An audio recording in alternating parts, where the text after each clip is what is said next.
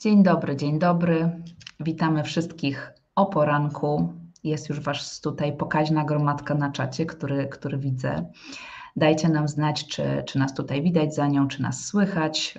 Jeszcze, jeszcze nie widzę licznika ale, e, osób, ale zaraz mam nadzieję się pojawi. O, już jest całe 56 osób. Witajcie, kochani. Fajnie, że jesteście o poranku. Mój to jest pierwszy webinar o poranku, ani nie, bo rozmawiałyśmy, że Ania woli poranne pory, ja to do 20, o 21 często ale pozostanie on tutaj do odtworzenia, przynajmniej przez jakiś czas, tak się za nią umówiłyśmy, więc, e, więc też ci, którzy będą odtwarzać sobie później, będą mieli taką możliwość.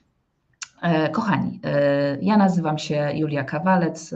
Część osób pewnie mnie tutaj zna z tego kanału. Jestem psychoterapeutką, psychologiem.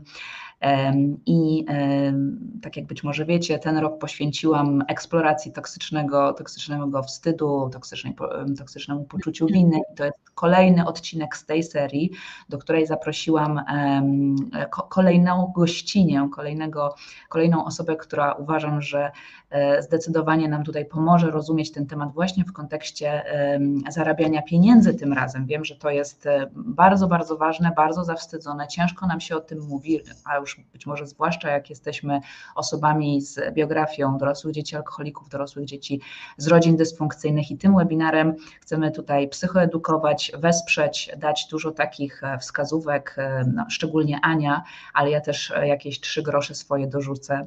Także mam nadzieję, że skorzystacie. Notatki, długopisy w dłoni i zapraszamy.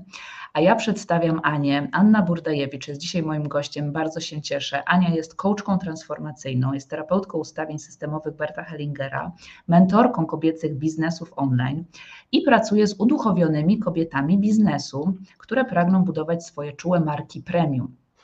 Pomaga im budować stabilne pięcio- i sześciocyfrowe biznesy, wspiera w transformacji osobistych i rodowych programów, w zmianie blokujących przekonań, tak aby ich biznesy były widoczne, a one świetnie zarabiały na tym, co kochają i na czym się znają. I ja tym właśnie opisem zostałam przyciągnięta do Ani, słuchając jej y, webinaru parę miesięcy temu. Posłuchałam, pomyślałam, wow, to jest bardzo, bardzo ciekawe. Ja chcę to wiedzieć. E, ja chcę wiedzieć, jak to się robi, jak Ania myśli, i dlatego bardzo się cieszę, Aniu, że przyjęłaś moje zaproszenie. Powiedz, czy chciałabyś coś dodać tutaj do, do tego opisu, czy w ogóle tak przywitać się. Tak, dzień dobry. Dzień dobry, Julia, dzień dobry Państwu. Jestem gotowa, żeby zacząć. Super, kochani, e, umówiłyśmy się z Anią dzisiaj na 60 minut. Jak wiecie, moje webinary to potrafią trwać i 3 bite godziny, więc Ania mnie tutaj um, um, powiedziała, że będzie lepiej krócej, będzie to bardziej strawne, więc e, słuchajcie, umawiamy się mniej więcej na godzinkę. Oczywiście piszcie swoje pytania, być może się wyrobimy albo później się do tego odniesiemy. My się umówiłyśmy mniej więcej na sześć takich zagadnień, które, które widzieliście w tym formularzu na zapis. Więc cóż, do dzieła. E, towarzyszcie nam tutaj i, i właśnie da, dawajcie swoje komentarze. Ja obsługuję czat, będę to wszystko widzieć, czytać. Aniu, no to tak, żeby zacząć, powiedz też, jak Ty rozumiesz, tak jestem też ciekawa Twojej perspektywy, nie właśnie jakiejś tam definicyjnej formułki, tylko jak Ty rozumiesz osobiście toksyczny wstyd, poczucie winy w kontekście właśnie tego zarabiania pieniędzy i pokazywania się światu. Ty się tym zajmujesz e, i, i tak, no i właśnie chcesz ujawniać te, te, te, te, te kobiece biznesy i ich talenty i, i żeby można było na tym zarabiać. Jak Ty o tym myślisz, powiedz? Mhm. E, kiedy mówimy o e, toksycznym wstydzie mm, w kontekście zarabiania, prowadzenia biznesu czy w ogóle życia zawodowego, to nie da się odejść jednak od takiej mm, typowej, tradycyjnej regułki dotyczącej toksycznego wstydu czy toksycznego poczucia winy, dlatego że mm, kiedy będę mówiła e, o toksycznym wstydzie właśnie w tym obszarze, w tym kontekście, to jest to bardzo mocno skorelowane, powiązane z dynamiką z domu rodzinnego. I pierwsza rzecz, od której e, zacznę, to jest to, to, e, to, co myślę większość tutaj z naszych dzisiejszych słuchaczy, jeśli śledzą Ciebie, słuchają Ciebie Julia, kiedy zajmujesz się tym toksycznym wstydem i o tym mówisz, to jest taka właśnie typowa regułka dla toksycznego wstydu, która jednakże w tym momencie też potrzebuje być przytoczona, że toksyczny wstyd to jest taki wstyd pierwotny też czasami nazywany, czyli dotyczący tego, kim ja w ogóle jestem. Kiedy mhm. ja toksycznie się wstydzę, to oznacza, że ja wstydzę się nie za to, co zrobiłam i się zorientowałam, uwewnętrzniłam swoje powody, przemyślałam wszystko i doszłam do wniosku, że jednak to było nieodpowiednie zachowanie lub nieodpowiednio coś y, powiedziałam, ale ja wstydzę się toksycznie, to, to, znaczy wstydzę się za to, kim ja jestem, za to, jaka ja jestem. I w mhm. kontekście do zarabiania, do pojawiania się w swoich biznesach, bycia widocznym, do też takiego przejawiania się, takiego odważnego w swoim życiu zawodowym, bez względu czy w swoim własnym biznesie, czy też pracując, pracując na etacie, czy współpracując na podstawie jakichś tam innych formuł, formuł form prawnych, to, to się przejawia w ten sposób, że cokolwiek ja stworzę, czy swoją ofertę, czy swój kurs online, czy swojego e-booka, czy na przykład warsztat, czy jakąś e, ofertę na przykład, jakakolwiek branża i w jakiejkolwiek formule, cokolwiek co stworzę, moje dzieło jest również skażone. Skażone, mhm. czyli to wybrakowane, wadliwe, bo skoro ze mną bazowo coś jest nie tak, to takie samo jest wszystko, takie samo jest wszystko, co ja wytworzę. Jeżeli ja wstydzę się siebie, to wstydzę się, nie, nie do końca i bądźmy na to uważni, że tutaj nie operujemy werbalnie słowami. Ja się siebie wstydzę, ja się wstydzę swojej oferty, ja się wstydzę warsztatu, który stworzyłam, czy kursu, czy wstydzę się tego, jak pracuję, nie pójdę po podwyżkę. To jest najprawdopodobniej większości, u większości osób nie operujemy tym pojęciem wstydu, tylko czujemy, że coś jest z nami nie tak i to się przejawia takimi słowami, nie zasługuję, mm, nie jestem tego warta i tak dalej. Co dalej? Kiedy ja jestem w toksycznym wstydzie co do siebie, y, to również wszystko, co powiem i jak to uargumentuję, również jest wybrakowane, również jest wadliwe, ponieważ jeżeli ja się wstydzę siebie, to znaczy, że mam takie mm, przeżywanie siebie jako osoby wybrakowanej, z jakiegoś powodu wadliwej, nie takiej, jak ma być. Mhm. Kiedy ja jestem toksycznie zawstydzona co do istoty sobą, to również cena którą chcę uzyskać za swoje usługi czy produkty, czy cena, którą chcę dostać, jakby wynagrodzenie, które chcę dostać, również jest obarczone wstydem. Wstydzę się w ogóle, że ja tyle mogę żądać, że tyle mogę chcieć. Mhm. Mm, czyli to jest pierwsza rzecz, że wszystko, co pochodzi od wadliwego podmiotu, jest wadliwe. Wszystko, co wytworzę, wszystko, co w świecie zaproponuję. I druga rzecz, e, którą, e, która myślę też jest bardzo powtarzalna, kiedy w ogóle mówimy o wstydzie, nie tylko w kontekście zarabiania, w kontekście biznesowym, to jest to, że dzieci z domów dysfunkcyjnych wstydzą się w ogóle swoich potrzeb. Dlaczego? Dlaczego w domu rodzinnym to rodzic jest w centrum zainteresowania i jego potrzeby. To jak się czuje, czego potrzebuje, że teraz ma być cicho, bo pijany tata przychodzi do domu, prawda? I nie można go tutaj drażnić. Jego potrzeby są najważniejsze. Zatem takie dziecko, a później dorosły, uczy się przeżywać siebie w oderwaniu od swoich potrzeb. A kiedy mhm. czuje swoją potrzebę, na przykład potrzebę uznania, potrzebę widoczności, chcę wyjść na środek sceny, tak czasem mają małe dzieci, dziewczynki, prawda, chcą wyjść i zaśpiewać piosenkę, zarecytować wierszy, chcą być widziane, uznane, to zaczynają się wstydzić, zaczynają się wstydzić za to, że w ogóle jakiekolwiek mają potrzeby. I tak. tutaj jest też taka ciekawa rzecz, że kiedy my się wstydzimy, to my nie przeżywamy tego w takim kontekście, nie nazywamy to sobie tak werbalnie, ja się wstydzę, tylko czego my doświadczamy. W związku ze wstydem, który nie jest nazwany w naszym przeżyciu, szczególnie jeżeli jesteśmy w dużych emocjach, my przeżywamy pewne emocje. Pod wstydem, tak jak pod taką pokrywą, kryje się bardzo dużo różnych uczuć, różnych emocji smutku, żalu, gniewu i wiele innych.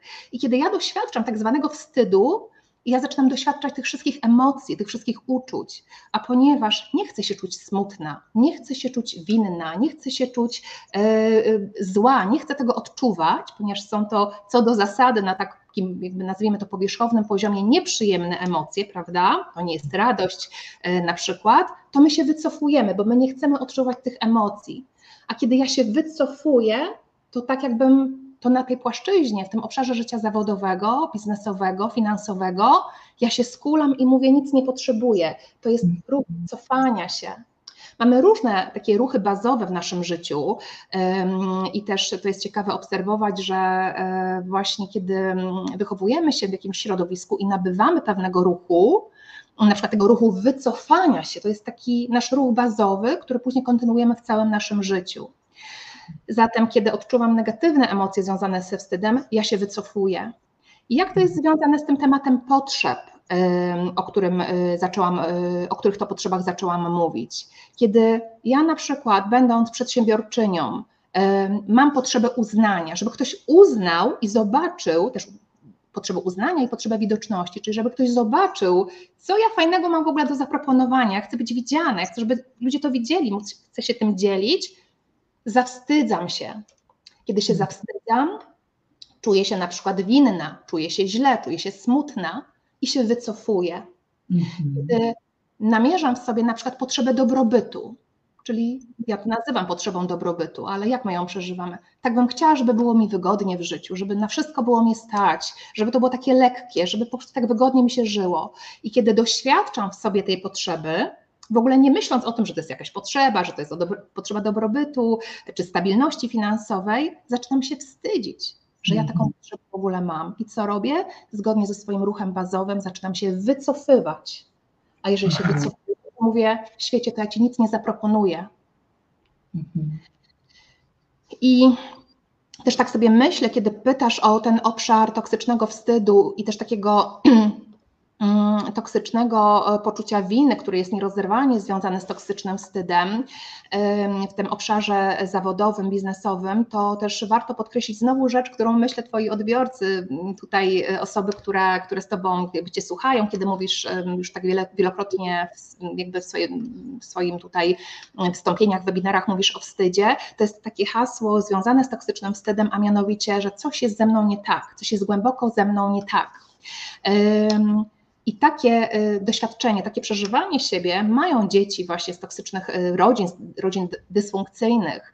I to przejawia się w ten sposób, to rodzi się w ten sposób, że mm, dziecko potrzebuje minimum jednego opiekuna, które, który będzie konsekwentnie dostrajał się, czyli reagował na jego uczucia, i teraz, kiedy my nie mamy takiego rodzica, takiego opiekuna, który się będzie dostrajał do tego, jak ja się w ogóle w życiu mam, że jest mi mhm. smutno, że ja się czuję w niebezpieczeństwie, że ja się boję.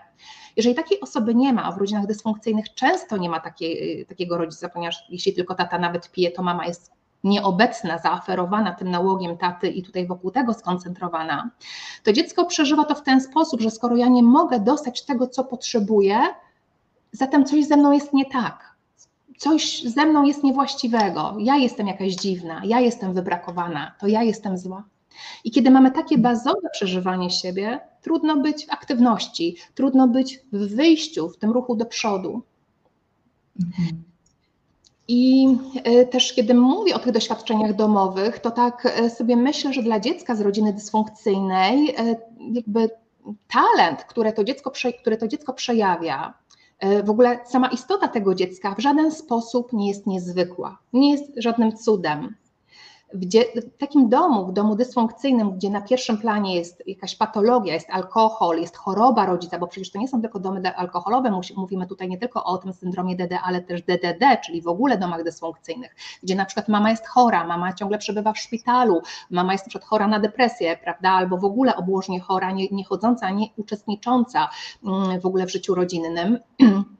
to w takim domu dziecko w ogóle nie jest przeżywane jako cud, jako coś, wow, dziecko, przyszłaś, cieszę się, że Ciebie widzę. Dziecko mhm. staje się oczywistością. Na dziecko nie kieruje się uwagi, ponieważ kieruje się uwaga właśnie na inne rzeczy, na inne obiekty, na jakieś inne zdarzenia.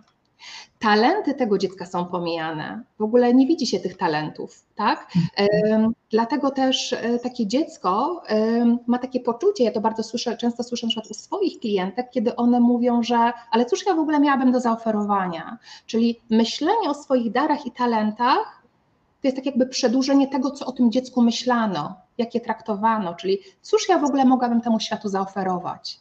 Kiedy mhm. dziecko nie zostało uznane jako niezwykłe, jako dziecko w swoim jakimś talencie, które przejawia, to dziecko traci w ogóle wyobrażenie na temat siebie, że ono samo i wszystko, co wytworzy w życiu dorosłym, na przykład zawodowo, może być uznane jako niezwykłe, jako coś, co warto sprzedać i ktoś mu za to zapłaci.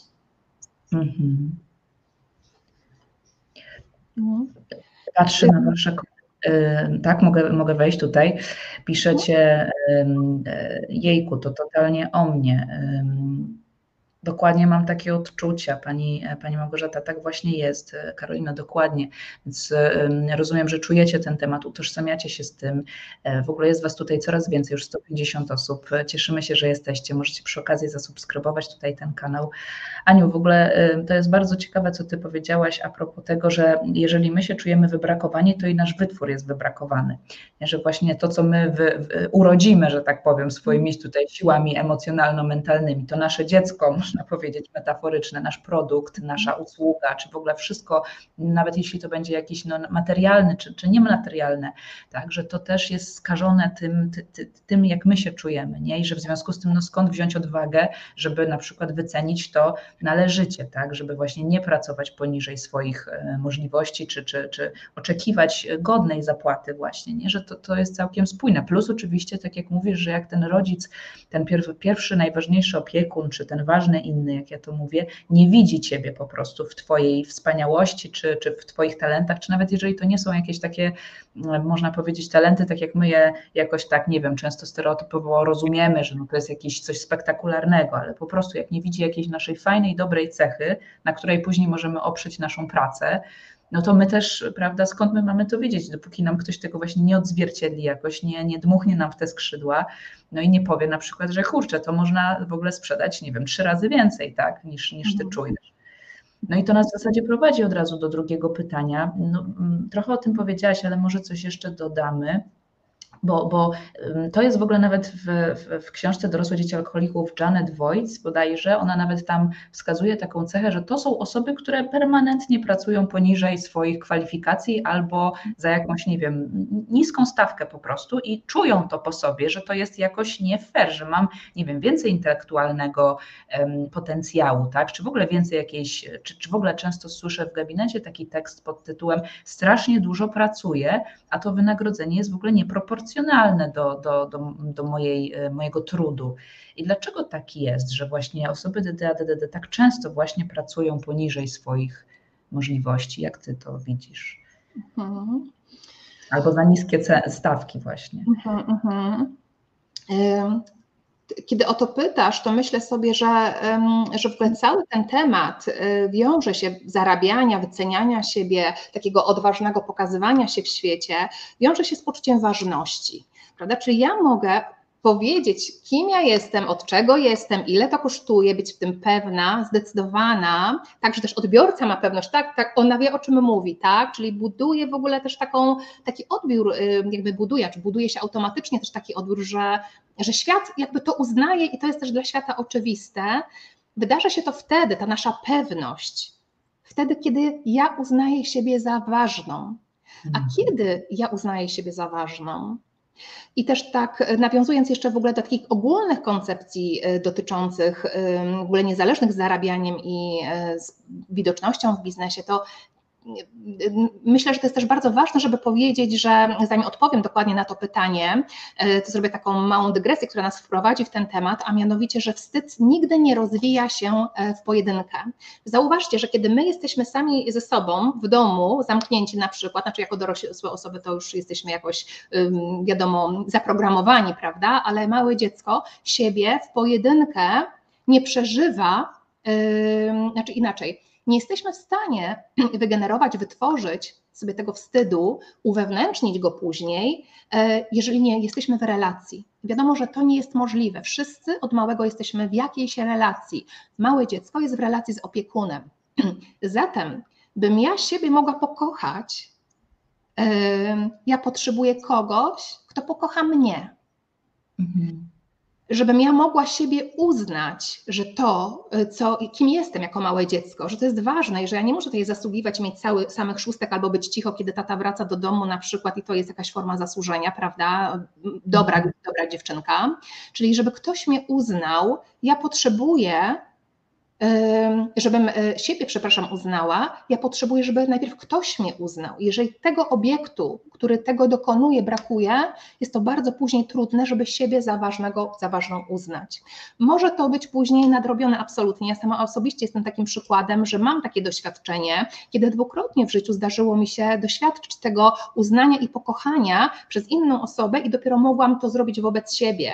I też tak na marginesie dla tych osób, które może się w tym momencie ciekawią, jakby jakie to są zdarzenia, to pierwszą taką relacją była relacja moja partnerska, małżeńska, kiedy ja, y, będąc już w związku, w małżeństwie prawie 20 lat, na początku i przez wiele, wiele długich lat pierwszych, ja w ogóle nie rozumiałam, to znaczy ja to jakby przyjmowałam, starałam się w sobie pomieścić, ale na głowę dla mnie to było w ogóle na, na takim poziomie y, dysonansu poznawczego, kiedy mój mąż mi mówił, jak bardzo mnie ceni, jak bardzo mnie kocha, jak w ogóle uwielbia ze mną być i że sobie życia beze mnie nie wyobraża, tak? Dla mnie to było coś nie do pojęcia, że ktoś mnie może kochać. I ja wielokrotnie zadawałam mu to pytanie, ale w ogóle dlaczego? Dlaczego ty mnie kochasz? No, no po prostu, no bo, no bo jesteś taka, jaka jesteś i za to cię kocham. Zatem być może wielu z was ma takie doświadczenie, prawda, że my też na poziomie później zawodowym się dziwimy, jak to ona mogła mi tyle zapłacić, ona chce się u mnie na przykład szkolić, ona chce do mnie przyjść, prawda?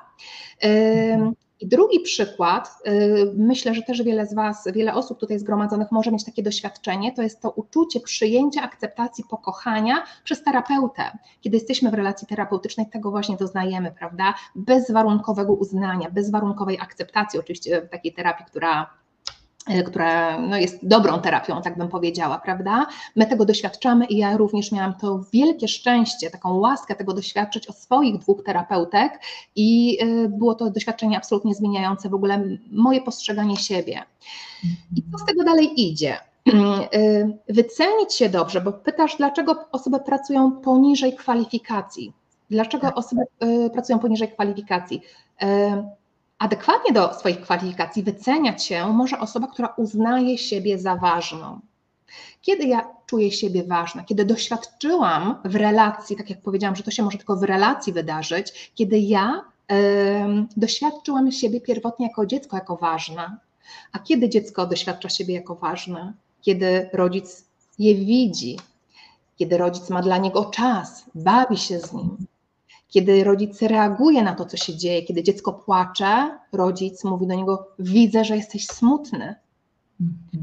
Kiedy rodzic je głaska, kiedy rodzic przytula, jest z nim w takim bliskim fizycznym kontakcie, kiedy rodzic staje w obronie dziecka, tak? idzie do szkoły, interweniuje, że jakieś inne dziecko wyrządziło mu krzywdę i tak dalej, i tak dalej. Tych przykładów można oczywiście mnożyć. To są takie bardzo proste przykłady, ale myślę, że, mm, że, że to chodzi o tę prostotę. Tutaj nic innego skomplikowanego nie, jakby nie ma.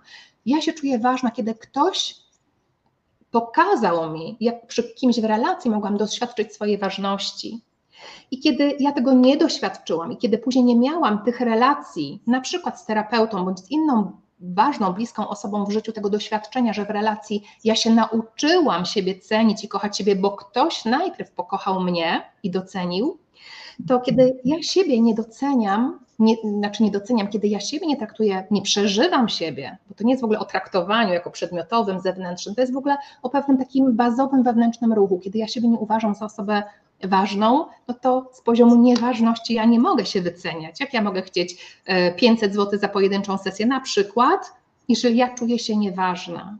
Mhm. I też e, tak sobie e, myślę o tym temacie i też podzielę się z Państwem taką, taką moją myślą, która myślę sobie też, że będzie najsmutniejszą informacją, którą być może w tym webinarze przekażę, to znaczy takie, tak, taki wgląd, o tak bym to nazwała.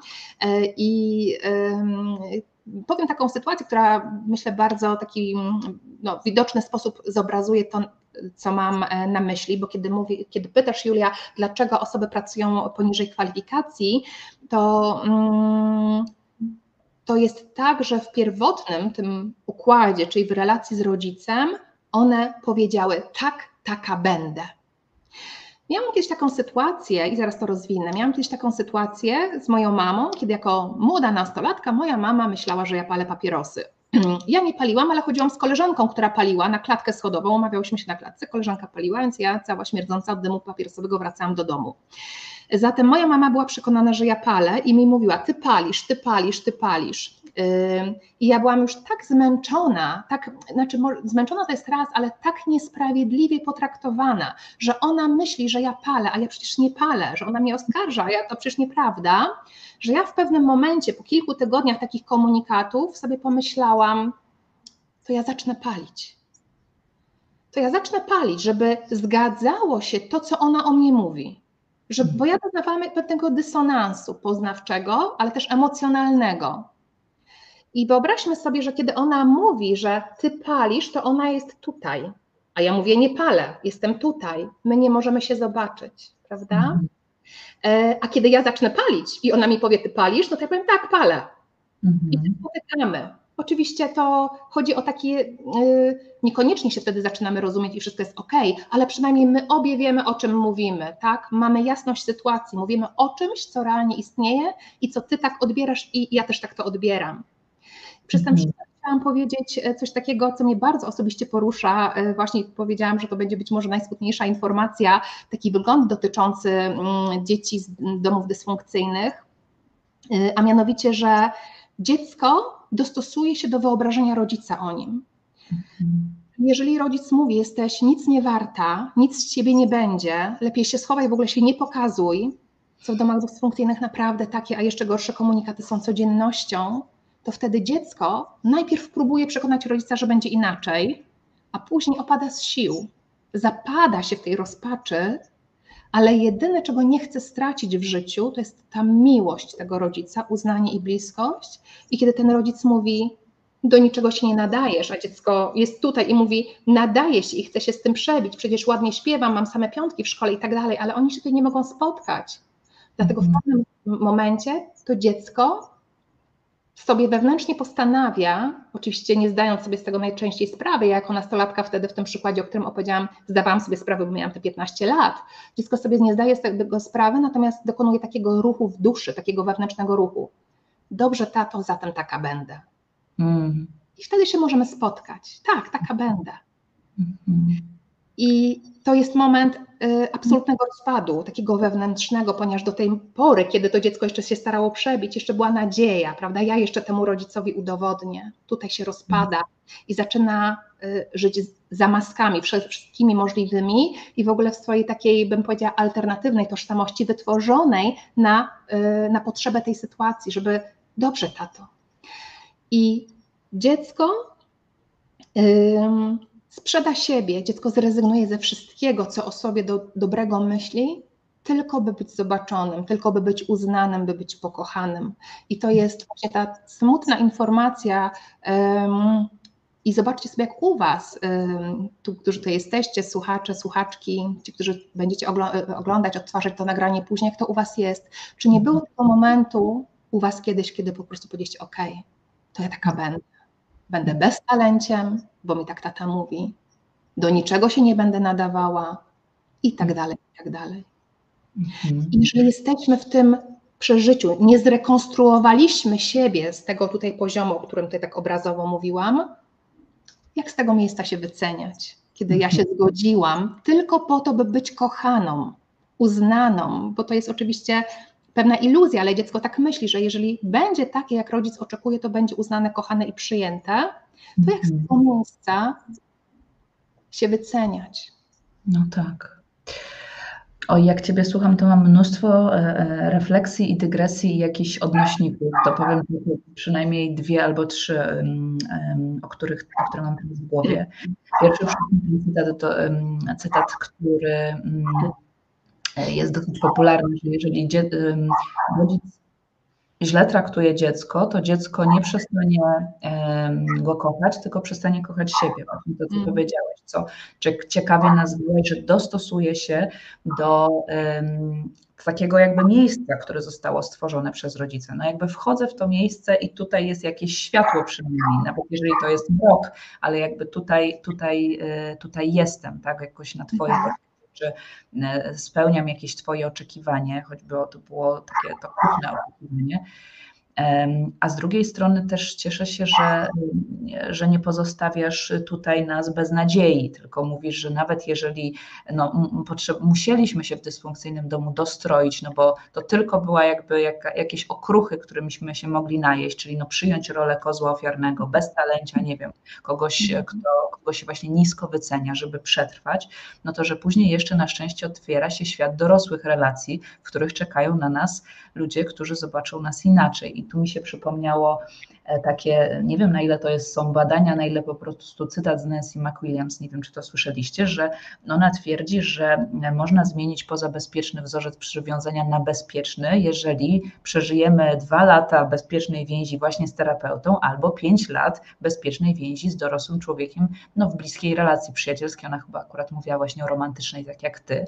I że wtedy, pomimo, że nam zostanie oczywiście ta wytarta ścieżka pozabezpiecznego przywiązania, że my znowu się spodziewamy raczej, że nas będą nisko cenić, albo właśnie nas e, krytykować czy uważać za właśnie kogoś poniżej naszych możliwości, no to, że jakby już nowa, nowa ścieżka czy nowe możliwości no wyryją nam się w tych szlakach mózgo-nerwowych, tak, i, i, i będziemy wiedzieć już, że no ktoś nas właśnie widzi inaczej, na szczęście, więc, więc cieszę się, że też powiało nadzieją.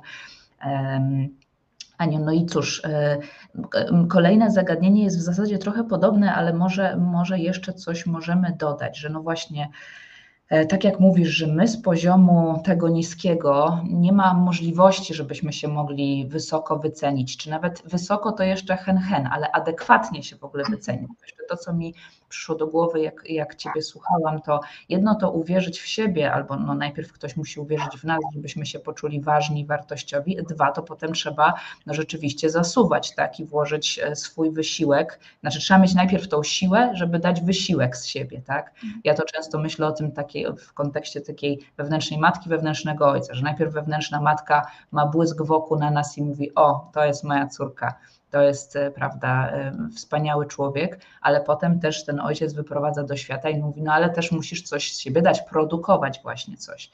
Nie? Więc jakby, że, że mm, często potem te osoby, no, nie mając siły mm, z tego powiedzmy, mm, to co ty nazywasz pierwotnym ruchem, czy ja o tym myślę o jakiejś tej wewnętrznej matce, no nie, też rzeczywiście się mniej starają, tak? czy mniej pracują, prokrastynują, nie wiem, podkładają sobie kłody pod nogi i, i tak dalej, i tak dalej. No ale no, e, więc wracając do naszego kolejnego zagadnienia, czy jeszcze możemy coś powiedzieć o tym, dlaczego w ogóle one mają zawstydzony ten temat e, pieniędzy w życiu, albo nie robią tego ruchu, jak ty mówisz, e, wyciągnięcia ręki po podwyżkę? Czy też jak tutaj jedna nasza słuchaczka napisała, gdzieś tu widziałam ciekawy komentarz o pani Karoliny, że pracodawca mnie okradał, a ja nie potrafiłam zaprotestować. Tak? Mhm. Czyli no, no nie mogę się przez coś przebić i czy coś możemy tutaj dodać jeszcze? E, tak, tutaj ja bym dodała jeszcze w odpowiedzi na, na komentarz tutaj e, osoby, kobiety, która, e, Karoliny bodajże, tak, która ten mhm. komentarz, który ten komentarz wyświetliłaś, Julia, to bym zwróciła pytanie do Ciebie, Karolina, i też każdy z Was może sobie też wyobrazić taką sytuację, właśnie kiedy był jakiejś relacji zawodowej, biznesowej i był jakby źle potraktowany na przykład, tak? Albo był dobrze potraktowany, ale czuł się jednak źle i czuł, że coś tutaj no, dzieje się niedobrego dla, dla, dla niego, dla niej, to e, zadałabym takie pytanie.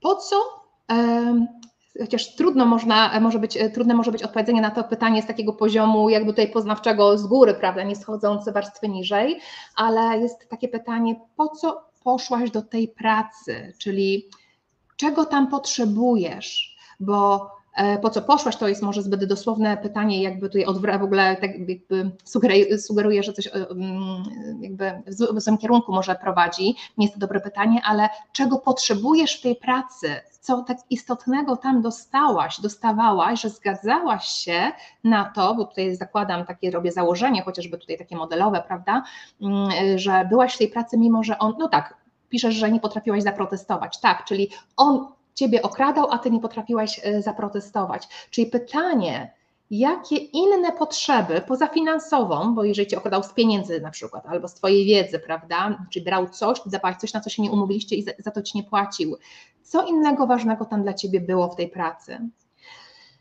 Bo to, co jest bardzo ważne dla y, osób z takich rodzin dysfunkcyjnych, to jest to, że takie osoby nie wiedzą zupełnie o tym, ale najczęściej, sprawdźcie teraz to u siebie, chodzą do pracy nie po pieniądze, chodzą do pracy po uwagę i po relacje.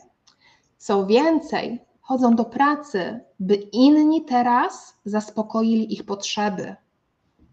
Kiedy o tym mówię, ja mam aż ciarki na ciele, mimo że tak często to widzę i jest to jakiś taki wątek, koncept, który jest mi dobrze jakby znany, pracuję z tym na co dzień i, i, i jakby widzę to, widzę to um, też w swoich biznesach, prawda? Tutaj jakby idę do pracy, czyli jakby po prostu jestem jako przedsiębiorczyni, przedsiębiorca na rynku, tak? Czyli jeszcze raz to powtórzę, że takie osoby, one mówią, że chodzą do pracy, żeby się realizować, rozwijać zawodowo i żeby zarabiać pieniądze, ale w duszy, w istocie chodzą do pracy po zaspokojeniu niezaspokojonych, a tak bardzo istotnych i fundamentalnych potrzeb, chodzą po uwagę i po relacje.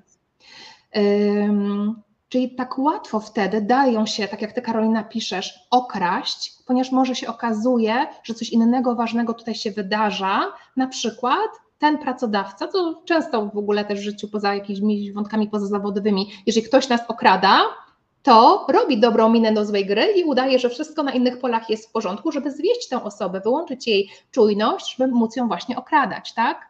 Mm, zatem jaką inną potrzebę miałeś tutaj zaspokojoną? Być może cię chwalił, być może mhm. miałeś zaspokojoną potrzebę uznania, kiedy mówił, to co robisz, praca jaką wykonujesz jest ważna, podoba mi się to. Mhm. Być może to była, była to twoja potrzeba bezpieczeństwa spełniona.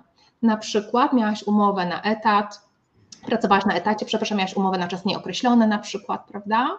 Czy jakaś po, po, potrzeba przewidywalności, potrzeba zabezpieczenia finansowego, potrzeba y, bezpieczeństwa. Też my jesteśmy często y, właśnie w takich relacjach przemocowych, na zasadzie takiej emocjonalnej przemocy, na przykład dajemy się wykorzystywać i a zostań za mnie godzinę dłużej, prawda, koleżanka z pracy i za to, żeby ona mnie lubiła, żeby dostać jej uwagę, uznanie, ja się zgadzam, przekraczam siebie, bo chcę zaspokoić coś, co jest pod spodem, tą potrzebę uznania, bycia przyjętą. Zauważmy, że e, w życiu dorosłym praca jest jakby takim bardzo wdzięcznym obszarem, gdzie różne nasze niezaspokojone potrzeby mogą być zaspokojone, ponieważ w grę wchodzą pieniądze, które dla ludzi są ważne, prawda? A więc tam my sobie nieświadomie zupełnie upatrujemy to miejsce, gdzie nasze niespełnione potrzeby zostaną zaspokojone, tym bardziej, że w życiu dorosłym ta ilość osób, które może zaspokoić moje potrzeby, drastycznie się zmniejsza bo jako dziecko mam mamę, mam tatę, mam babcię, jeżeli mam, prawda, babcię, dziadka, jakąś tam sąsiadkę, prawda, mm, ciocię, wujka i tak dalej, natomiast w życiu dorosłym dobrze, mam panią opiekunkę w przedszkolu moich dzieci, no ale jakby nie jestem z nią w relacji, że ona będzie spełniała jakieś moje potrzeby, prawda, poza potrzebą taką, że mam potrzebę, żeby moje dzieci na przykład były zaopiekowane i bezpieczne. Zatem praca jestem wdzięcznym, ale też tym, tym niebezpiecznym obszarem, ponieważ tak łatwo tutaj dochodzi do przekroczeń, tym wdzięcznym obszarem gdzieby możemy właśnie taki dysfunkcyjny, bardzo krzywdzący i przekraczający siebie sposób dążyć do zaspokojenia swoich potrzeb zupełnie nieświadomie. Mhm. Okej, okay, to rzeczywiście jak ty to powiedziałaś, to też aż e, tak oczy otworzyłam. Do, masz rację, że rzeczywiście jak my nie jesteśmy no właśnie zaspokojeni gdzieś bazowo, no chociażby w tej naszej potrzebie, jak nazwałaś, widoczności, pokazania się, uznania naszej wyjątkowości i wartości, no to, no to pewnie, że oprócz tego, że będziemy też oczywiście odgrywać to w bliskich związkach, żeby ten partner nam zastąpił e, tego gdzieś rodzica, no ale też właśnie w pracy, że możemy do pracy chodzić e, nie po pieniądze, a po wiele różnych innych rzeczy, co nas e, wystawia no niesamowicie na manipulacje, tak, na no jesteśmy łatwym łupem wtedy, prawda? Oprócz tego, że nie będziemy tutaj kandydatami do tych podwyżek, to, to jeszcze, że można nam rzucić, prawda, jakąś pochwałę, czy jakiś właśnie okruch tak naprawdę, no i, i już ten człowiek może się poczuć to zaspokojony jakoś w tym i, no i to jest bardzo przykre w tym sensie, że właśnie pomyślałam o słowa, słowa manipulacja, nie? że to nas po prostu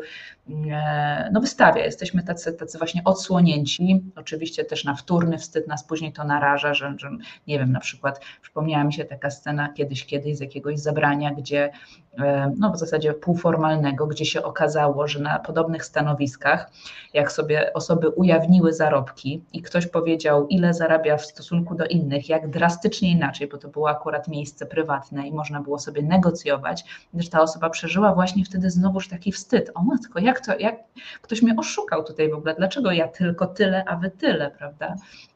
Więc, więc no właśnie, nas to też na, na, naraża na kolejną po prostu lawinę wstydów wtórnych. No i troszkę powiedziałaś o tym, Aniu, a propos niezaspokojonych potrzeb, e, właśnie, bo pytanie następne jest nasze, jakie niezaspokojone potrzeby czy doświadczenia stoją za tym zawstydzonym tematem zarabiania i pokazywania się światu. Powiedziałaś o potrzebie dobrostanu, to, to ciekawe ujęcie. Ja, ja akurat mam w głowie te potrzeby yangowe, e, ale, ale mówisz o, o tym samym, tylko innym językiem, że jeżeli powiedziałaś o potrzebie dobrostanu, o potrzebie widoczności, jakie jeszcze deficyty takie, czy z Twojej swojej pracy, czy tak jak sama w życiu obserwujesz, stoją właśnie za tym, że później mamy ten wstyd wokół pokazania się, zarabiania, czy coś jeszcze. Mm-hmm. Już mnie porusza, mnie nawet osobiście porusza, e, oprócz tego, że jakby um, um, widzę, e, widzę to wśród swoich klientów, klientek, pracuję głównie z kobietami, e, ale to jest taki kawałek i od niego zacznę, który mnie w szczególności porusza, ponieważ um, to, o czym opowiem, pokazuje, jak bardzo nasza potrzeba spójności, nasza potrzeba całości. My chcemy się czuć jako całość, prawda? Spójnie, a nie poszatkowani. E, potrzeba harmonii nie zostaje zaspokojona. Hmm. I poruszające jest to dla mnie dlatego, ponieważ wyobrażam sobie takie dzieci, które zresztą sama też w jakimś zakresie mam takie doświadczenia, może nie dokładnie takie jak teraz opowiem, ale, ale mm, myślę zresztą, że też nie, dużo osób, nie tylko z domów dysfunkcyjnych, e, takie doświadczenie będzie miało, ale przy domach dysfunkcyjnych jest to szczególnie tutaj widoczne i takie wręcz rażące, takiej jakby krzywdzie dla tych dzieci, że wyobraźmy sobie taką sytuację, że dziecko, które nie spało północy, ponieważ tata się awanturował, mama płakała, albo była jakaś libacja alkoholowa, prawda, albo mhm. mama chorowała, pogotowie pięć razy w nocy przyjeżdżało i tak dalej, Mówię o takiej sytuacji oczywiście, kiedy to było, był długi okres czasu i mówię o takiej jakby chorobie mamie na przykład psychicznej, kiedy to jest jakiejś dysfunkcji w tym domu. I to dziecko następnego dnia musi wstać, iść do szkoły i udawać, że wszystko jest w porządku. Mhm. Y, jak bardzo ono czuje się w niespójności. Ta podstawowa potrzeba każdego człowieka, y, taka jedna z bazowych, spójności, całości, harmonii nie zostaje zaspokojona. Y, to też jest taki przy, przykład, kiedy, który kiedyś słyszałam od jednej z kobiet, która wychowywała się w domu dysfunkcyjnym, która mówiła, że um, miała około 10 albo 12 lat i upiekła tort, y, była odpowiedzialna nie dlatego, że ktoś ją naznaczył, tylko sama z siebie, ponieważ nie było innej osoby i to było jakby naturalne, była y, odpowiedzialna za organizację komunii E, swego młodszego rodzeństwa. I mówi, że e, tak bardzo się tym stresowała, ponieważ e, i tym, żeby w ogóle upiec tort na tą komunię, na to przyjęcie, które było w domu i upiekła, no bo sobie tak wyobraża, nie będzie tortu, no to cóż to za komunia bez tortu. I upiekła ten tort jako dwunastoletnia dziewczynka i później wszyscy goście przyszli, rodzina i każdy mówił, o jaki wspaniały tort upiekłaś, jaki dobry, ojejku, że w ogóle sama upiekłaś, taka mała jesteś, a upiekłaś tort. I każdy bił brawo. Natomiast ona została zdruzgotana jako dojrzała ponad 40-letnia kobieta, jak mi to opowiadała, wciąż te emocje były w niej żywe. Mówi, ale nikt nie zobaczył, ile to mnie kosztowało, by upiec tort jako 12-letnia dziewczynka. Mm. Że ktoś nie, nie widzi mnie jako całość i jednocześnie moje przeżywanie siebie jako całości, prawda, jest po prostu poszatkowane, Ktoś widzi mhm. mnie przez jakiś pryzmat, niecałościowo, nie widzi całego mojego doświadczenia, co to dla mnie znaczy upiec tort na komunie dla tylu ludzi. Mhm. Widzi tylko kawałek, prawda? O, jaki pyszny tort, zrobiłaś go sama, jesteś bardzo dzielna.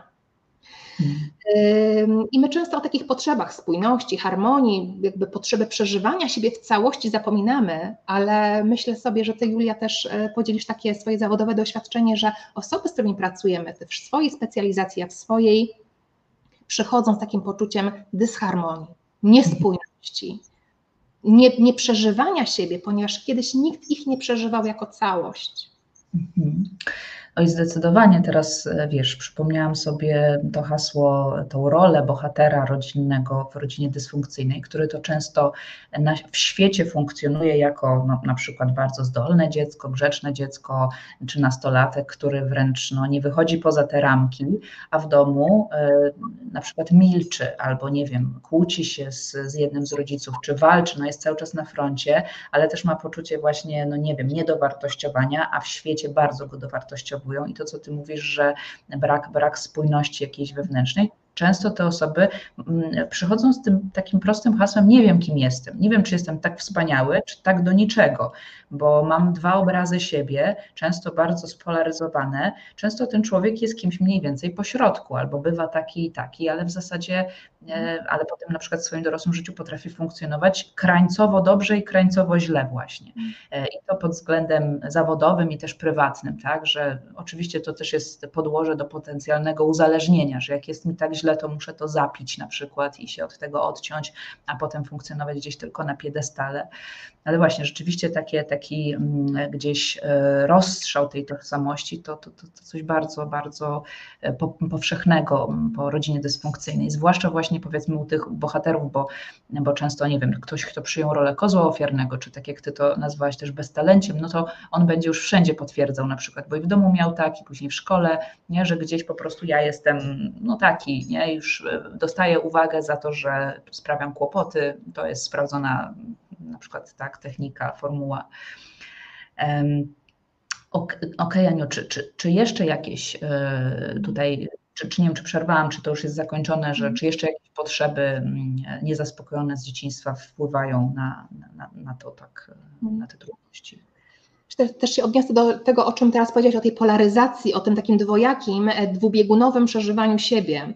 To e, tutaj dużo mówimy o tacie, przyjmujemy taki główny mainstreamowy przekaz, że tata pije, mama jest bierna, prawda? Natomiast chciałabym też coś o matkach powiedzieć, e, że często słyszę od swoich klientek takie zdanie, takie, taką właśnie taką dwoistość, dwubiegunowość, w sensie dwoistość, nie chodzi mi o, o chorobę dwubiegunową, taką dwoistość przeżywania siebie, to jest taka sytuacja, kiedy właśnie właśnie mamy były e, narcystyczne, toksyczne i tutaj różnie można byłoby to jeszcze zdefiniować. I kiedy potrzebowały bliskości matki, to dawały bliskość dziecku i dziecko miało zaspokojone wiele potrzeb, ale w sekundzie, kiedy na przykład matka zaspokoiła sobie potrzebę bliskości albo jakiś swój interes, który miała do dziecka, na, mhm. nagle się odsuwa i odcina się i przestaje zaspokajać potrzeby, czyli taka dwoista mama prawda? Mhm. Która wtedy, kiedy potrzebuje, jest blisko i daje dziecku wszystko, co potrzeba, a kiedy nie potrzebuje, się odcina. I to jest taki też dwoisty obraz przeżywania siebie, prawda? Że w końcu jaka ja jestem, czy ja zasługuję, czy ja nie zasługuję. E, mhm. Wtedy też taka potrzeba w ogóle nadziei na to, że ja wiem, kim jestem. To też jest taka duża, bardzo ważna potrzeba e, w ogóle przewidywalności, nadziei, która jest u człowieka, prawda? My mówimy o potrzebach snu, potrzebach fizycznych, potrzebie na przykład, nie wiem, no różnych takich na wierzchu, nazwijmy to, takich najbardziej podstawowych, natomiast jest bardzo szerokie spektrum różnych potrzeb, więc jak bardzo taka potrzeba przewidywalności i w ogóle orientacji, ale też nadziei jest tutaj zachwiana. Ale chciałam jeszcze o jednej rzeczy powiedzieć, bo to myślę, że jest taki też a propos tych potrzeb, bardzo, bardzo ciekawy wątek może być tutaj dla naszych słuchaczy, słuchaczek dzisiaj, a mianowicie chciałabym coś powiedzieć o e, tak w kontekście biznesowym, o niszy. Kiedy ja pracuję tak Mm, pracuję na dwóch poziomach z moimi klientkami transformacyjnie, czyli transformujemy te wszystkie blokady, ograniczenia na poziomie osobistym i też rodowym, e, ale też pracuję jakby dwutorowo, pracuję też pomagając im jakby po prostu wprowadzić tą ich całą, ich całą wiedzę po prostu do, do tego, żeby ona w efekcie się ta wiedza, jakby to, co mają do zaoferowania, a często pracuję z kobietami, które mają biznesy wiedzowe, oparte na wiedzy swojej, żeby się sprzedały, prawda, czyli taka strategia, marketing i i, i, w ogóle sprzedaż. I często mówię moim klientkom, że potrzebujesz mieć niszę, że pieniądze są w niszy. Jeżeli robimy wszystko tak samo jak inni, nie jesteśmy w stanie się jakby wybić na tym i jednocześnie być bardziej docenieni z uwagi na tę taką bardzo specyficzną e, działkę, w której jesteśmy i że potrzebujemy mieć niszę, mniej bądź bardziej zawężoną. I zauważyłam bardzo mocno, że osoby z domów dysfunkcyjnych mają e, bardzo dużą potrzebę dopasowywania się do otoczenia. Dlaczego? Ponieważ ich potrzeba przewidywalności i bezpieczeństwa w ogóle nie była zaspokojona. Dom dysfunkcyjny w ogóle nie jest przewidywalny, prawda? Nie jest w ogóle bezpieczny. W związku z tym, jeżeli ja nie mam takich potrzeb zaspokojonych, to ja chcę się wpasować do otoczenia, ponieważ wpasowanie się do mainstreamu, do ogółu da mi bezpieczeństwo. I kiedy mówię takiej klientce, że potrzebujesz mieć niszę, tak? Jakby w jakiej ty niszy w ogóle będziesz działała i staramy i tutaj zapraszam ją do przejścia, mm, przeprocesowania tego procesu, jest bardzo duży opór. Y, dużo czasu zajmuje takim kobietom w ogóle przekonanie się, chociaż na poziomie logicznym wiedzą, one rozumieją, co ja mówię, prawda, że pieniądze są w niszy, że to jest naprawdę ważne tutaj, jak chcemy skalować, jakby dobrze zarabiać na swoich, biznes, w swoich biznesach, ale y, jest to po prostu dla nich trudne. Wolą się wpasować, bo tu się czują bezpieczne. To ja będę robiła coaching dla wszystkich i o wszystkim coaching dla wszystkich i o wszystkim, czyli na każdy temat i dla każdego odbiorcy, to nie jest dobry pomysł, prawda? I jest problem, żeby się tutaj wyspecjalizować w jakimś obszarze. Problemem nie są oczywiście umiejętności poznawcze, tylko te wewnętrzne, żeby zaufać yy, i oderwać się od tego ogółu. Mhm. Y, I jeszcze jedna rzecz, ostatnia, chociaż jest tutaj też kilka ciekawych wątków, ale myślę, że jeszcze jedna rzecz, która będzie bardzo żywa y, tutaj dla większości z Was, którzy nas słuchają, a mianowicie mm, biznesy osób, y, które, ale też w ogóle bycie w relacji takiej zatrudnieniowej na etacie u kogoś, biznesy osób z domów dysfunkcyjnych są tak, zwane, tak zwanymi emocjonalnymi biznesami. Czyli raz jestem na górce, raz jestem na dole. I to jest ciągła fluktuacja, prawda? Tak jak w domu. E, raz było dobrze, raz było źle, prawda? I ciągła huśtawka. I później te biznesy e, tych osób dokładnie tę samą dynamikę odzwierciedlają. Czyli mhm. raz mogę wszystko, mam świetną ofertę, będę ją sprzedawać, później nagle przychodzi moment, nie wiadomo skąd, zupełnie nieprzewidywalny, kiedy człowiek się czuje w czarnej dziurze i w ogóle wszystkie jego plany padają, wszystko co stworzył chowa do szuflady i nie wychodzi z tym do świata. Mhm. Mhm. Ojejku, znowu mam głowę pełną e, dygresji, a czas nas goni, ale powiem tylko tak, że jak teraz Ciebie słucham, to przypomniał mi się taki cytat Woody'ego Allena, nie wiem czy go znasz Aniu, że on powiedział coś takiego, że e, 80% sukcesu to w ogóle się pokazać, czy tam przyjść w jakieś miejsce. To pierwsza rzecz, która mi się przypomniała, że w ogóle właśnie ten ruch wy, jakby do świata, tak, to jak ty to nazywasz, żeby w ogóle się po, ujawnić i pokazać. Ale inny cytat, który już nie wiem kto powiedział, ale brzmiał mniej więcej tak, że no, trzeba, talent to jest powszechna sprawa, każdy go jakiś, każdy jakiś ma, ale pomysł na siebie to już jest coś bardzo, że tak powiem, unikatowego, czy może to, co ty nazywasz jakby wyborem niszy, nie? czyli że my potrzebujemy właśnie się tak wyspecjalizować, czy właśnie e, określić w jakiś sposób, czego my chcemy, czy co my chcemy dać, no ale wcześniej no właśnie ten pomysł na siebie, odnalezienie swojej tożsamości, uzgodnienie ze sobą właśnie, kim ja jestem, czy ja jestem właśnie taki, czy taki, bo nie jestem ani taki, ani taki, ani nie jestem takim Bogiem, jak to nieraz też e, oczywiście osoby z domów dysfunkcyjnych mają takie poczucie wszechmocy po tym, jak no, rzeczywiście robiły rzeczy nadludzkie jak na swoje, swój wiek, no to e, czy, czy, czy tak jak mówisz, że rodzic, czy to matka, czy ojciec zrywamy ze stereotypami, jest raz bardzo przyjmujący, a raz bardzo odrzucający. Nie wiadomo dlaczego, nie można tego zrozumieć z perspektywy dziecka, no i nam się wszystko tak roz, rozstrzela. To jedna moja myśl, a druga taka. Mm, co warto właśnie może w tym miejscu e, powiedzieć tutaj naszym słuchaczom. Jest Was e, mnóstwo, coraz więcej, słuchajcie, już prawie 200 osób na żywo, więc słuchacie nas, wiecie, że Ania jest e, coachem, ja jestem psychoterapeutką. To dobry moment, żeby powiedzieć słówko o różnicy, gdybyście chcieli korzystać z usług coacha czy terapeuty, kiedy i do kogo. Aniu, może powiesz też za siebie, ale y, ja mam taką jakąś prostą definicję, bo też kiedyś się uczyłam coachingu i zapamiętałam to, że y, uczyli nas tak, że coaching to jest, y, nie, psychoterapia to jest wtedy, kiedy siedzisz na przykład w czarnej dziurze i potrzebujesz wstać i w ogóle zacząć chodzić, a coaching to jest jak chodzisz, ale chcesz biegać. Nie wiem, czy się z tym zgodzisz, ale ja to całkiem czuję tą metaforę, że coaching jest, mówiąc w skrócie, dla ludzi, którzy ogólnie dobrze funkcjonują, ale chcą jeszcze lepiej funkcjonować. A psychoterapia, tak e, tutaj dla większości raczej moich słuchaczy rekomendowana osób z dysfunkcyjnych domów, które mają jeszcze nieprzetarte te schematy, nieprzepracowane, właśnie nie mają jeszcze tej bezpiecznej, długoterminowej relacji i chcą właśnie w ogóle ruszyć tak, z tej dziury, no to psychoterapia zdecydowanie. Powiedz, jeśli e, chcesz, czy tak mniej więcej to rozumiesz, czy masz jakąś inną definicję? Mm -hmm. Dokładnie rozumiem to w ten sam sposób, który, który Ty teraz, Julia, opisałaś. I e, dodam w ten sposób, że kiedy w coachingu, chociaż też ja zajmuję się mm, takim obszarem terapeutycznym w bardzo wąskiej tutaj specjalizacji ustawieniowej, tak jak Julia na początku powiedziałaś, natomiast kiedy pracuję z klientami coachingowo i kiedy oni jakby modelowo powiem, tak, ja też jakby troszeczkę modyfikuję tutaj jakby mm, czasami różnie czasami pracuję i kiedy ktoś potrzebuje pracy z wewnętrznym dzieckiem, to jakby też tego nie zostawiam, tylko też, mimo że można byłoby powiedzieć, że to jest obszar typowo y, terapeutyczny, prawda, to po prostu to opiekujemy. Natomiast jeżeli ta dziura, też chyba tym słowem się tutaj posłużyłaś, prawda, jest bardzo, bardzo głęboka, no to rzeczywiście w coachingu nie możemy mm, jakby bardzo daleko jakby na tym iść, co nie znaczy, że nie możemy tego coachingu jakby w jakimś obszarze kontynuować, natomiast zawsze zaznaczam, zaznaczam, że ten obszar, o ile nie przeszkadza nam on w kontynuacji, jest do zaopiekowania w procesie terapeutycznym. I to, co chciałam tylko dodać, że kiedy w procesie coachingowym, takim klasycznym, e, tak, klient mówi, no bo moja przeszłość i zaczyna mówić o przeszłości, to ja bardzo szybko wracam go do teraźniejszości jednym pytaniem: i co z tego możesz wziąć dla siebie dzisiaj? Czyli typowym, klasycznym procesie coachingowym my nie skupiamy się na tym, na przeszłości, bo to jest na terapię, na przeżycie. Tam jest czas na przeżycie, na opłakanie tych wszystkich strat, na przeżycie tej w ogóle, tej tragedii, tej, tej sytuacji, która ci się wydarzyła. A w coachingu, tak jak mówię, takim klasycznym wydaniu, i co z tego możesz dla siebie dzisiaj wziąć? Czego cię to nauczyło? Jak możesz z tego doświadczenia dzisiaj korzystać? Ja to obrazowo y, w ten sposób ujmuję, że terapia jest od dzisiaj na przesz- i do przeszłości, ale też oczywiście do przyszłości się odnosi. Natomiast coaching jest od teraz. Z czym dzisiaj przychodzisz w swojej zasobności, w swoich możliwościach na przyszłość. Mhm, jasne.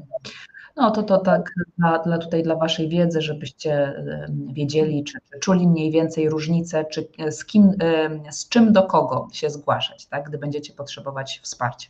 No i tu przechodzimy, Aniu, już do, do finału pomału, to znaczy chciałam Cię zapytać, jak Ty pomagasz swoim klientom, tym właśnie zasobnym już, albo bardziej zasobnym niż, niż tych, którzy kwalifikują się do terapii, odwstydzać ten temat zarabiania i pokazywania się światu, czego te osoby najbardziej od Ciebie potrzebują czy biorą. I tutaj też zaraz ja podlinkuję Wam bezpłatny kolejny webinar Ani, który będzie prowadził już do jej oferty. Być może ktoś będzie chciał z tego skorzystać. To jest akurat oferta szczególnie kierowana do coachek, terapeutek właśnie kobiecych biznesów.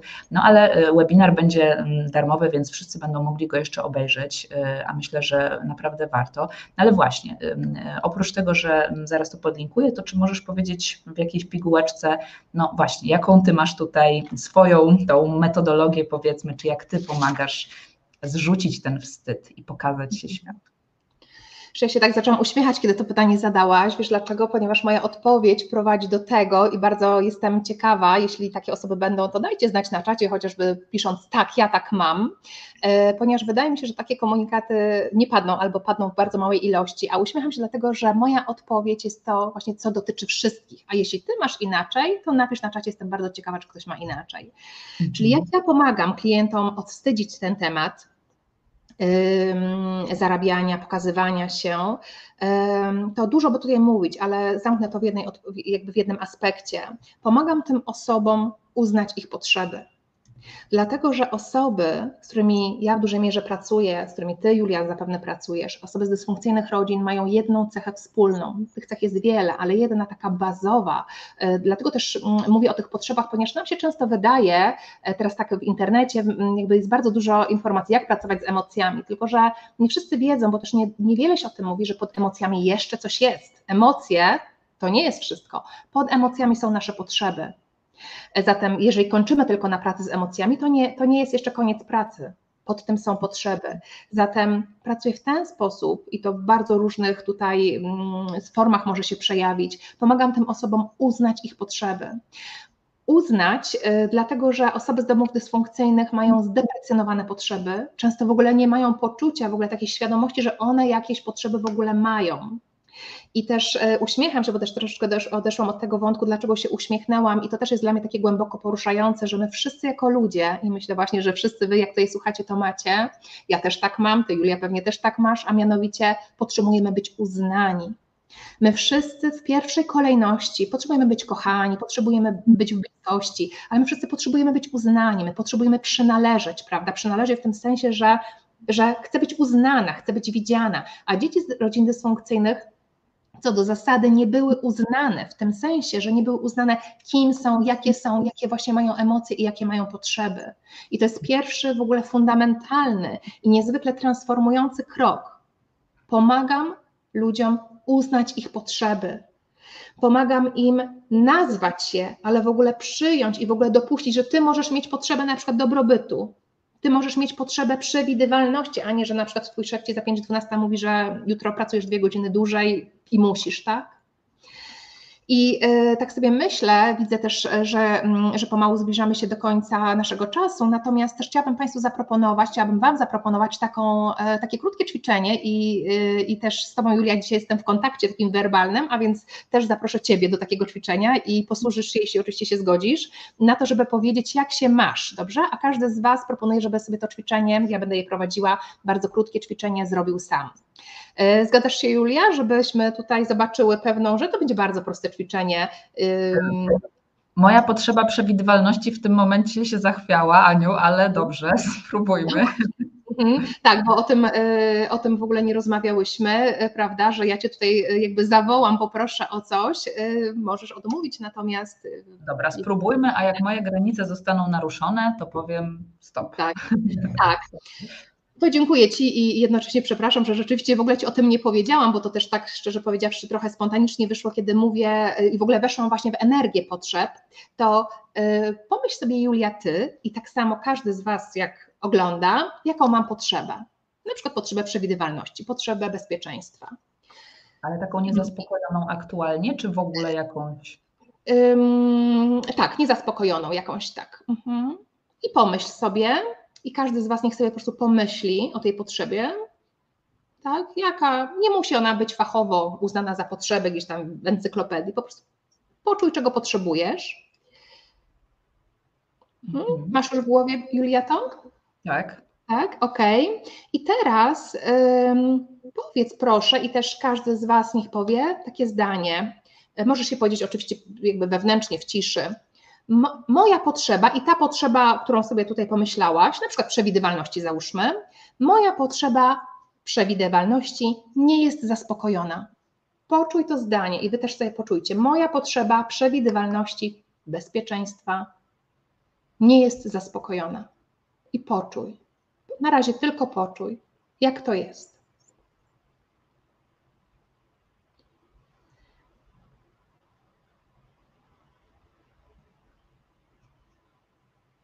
I drugie zdanie,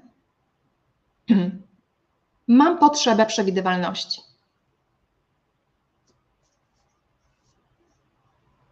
Mam potrzebę bezpieczeństwa. Mam potrzebę stabilności, zaufania.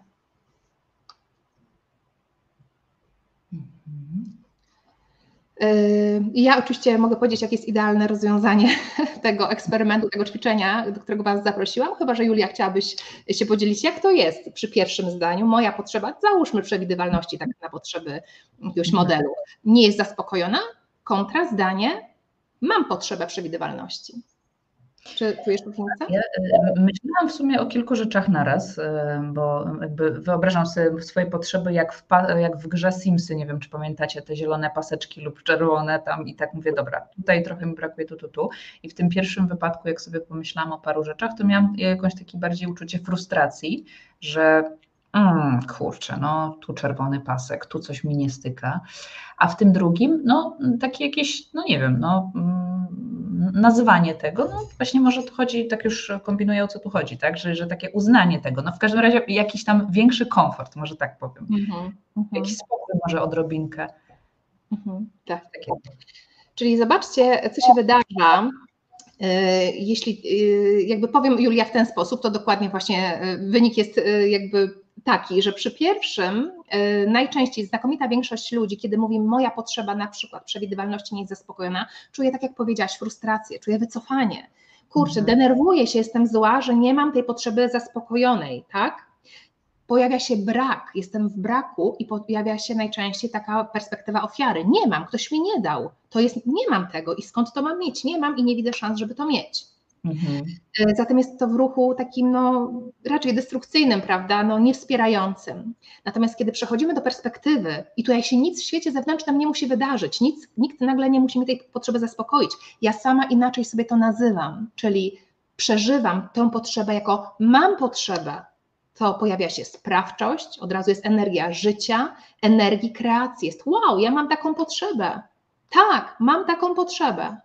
To jest dla mnie ważne, by ta rozmowa dzisiaj była przewidywalna. Mam potrzebę zaufania, że ona nie wyjdzie nagle z jakimś kawałkiem, o którym nie rozmawiałyśmy i jeszcze mnie tutaj na oczach ludzi zaprasza do ćwiczenia i ja nie wiem o co chodzi, może źle odpowiem. Mhm. Zatem mam potrzebę przewidywalności, stawia osobę w sprawczości, tak? w kreatywności, w kreacji, w życiu w ogóle. I yy, tak bardzo krótko podsumowując to i jakby domykając to pytanie, które tutaj zadałaś, to jest tak, że kiedy my uznajemy swoje potrzeby, a to było o uznaniu, mam potrzebę przewidywalności, to zaczynają się dziać cuda, ponieważ my wtedy odkrywamy, że My taką potrzebę mamy, zatem cały świat się otwiera do możliwości. I jak ja teraz mogę zadbać o to, żeby to zaspokoić? Ja mam potrzebę, ja czuję, jestem ważna. Cały zestaw tutaj różnych skojarzeń się, takich bardzo pozytywnych i wspierających pojawia. Tak. Okej, okay, dobrze. To, to, moja potrzeba przewidywalności no, już jest uspokojona, już po wszystkim, ale to, co teraz mówisz, to. Przypomniałam sobie z Twojego poprzedniego webinaru, powiedziałaś takie słowa, że nasz, no, parafrazując, że na szczęście w świecie dorosłym my mamy dużo więcej możliwości strategii, właśnie, zapamiętałam słowo strategia, zap, zaspokajania tych dziecięcych potrzeb, czy dziecięcych, czy po prostu takich już dorosłych, aktualnych, bo przecież one dalej są takie same, tylko może inny zakres, że my możemy właśnie wyjść z tego świata ofiar, w którym no, mówimy, no nie dostałam, dajcie mi, albo kto mi teraz zrekompensuje, zrekompensuje, kto mi zadośćuczyni moje trudne dzieciństwo, tylko że w dorosłym świecie mogę to nazwać, uznać i e, znaleźć strategię inną niż tylko, że mama da na przykład, nie, albo nie da. Więc, więc, więc to bardzo ważne, co mówisz. Też tutaj y, mamy Wasze komentarze, że Was to dotyka. Pani Katarzyna napisała, że ja przy pierwszym pytaniu poczułam zapadanie się w ciele. No ja, ja poczułam może nie zapadanie, ale właśnie takie kurde, no i nie mam, no i co mam zrobić, tak?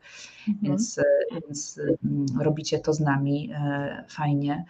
I Aniu, ostatnia rzecz, czy, bo tak, oczywiście, jeżeli ktoś będzie tutaj chciał skorzystać z psychoterapii, z coachingu, z Twojego programu, który, który, do którego linka cały czas tutaj macie i wysłałam Wam też w czacie, zobaczcie, jak ktoś chce kliknąć. I również e, osoby, które dołączyły później, zostawcie tutaj swoje, swoją subskrypcję, żeby być na bieżąco z takimi treściami. Jeszcze parę webinarów przede mną o wstydzie, więc jak Was to interesuje, to zostańcie tu na dłużej i kliknijcie e, subskrypcję.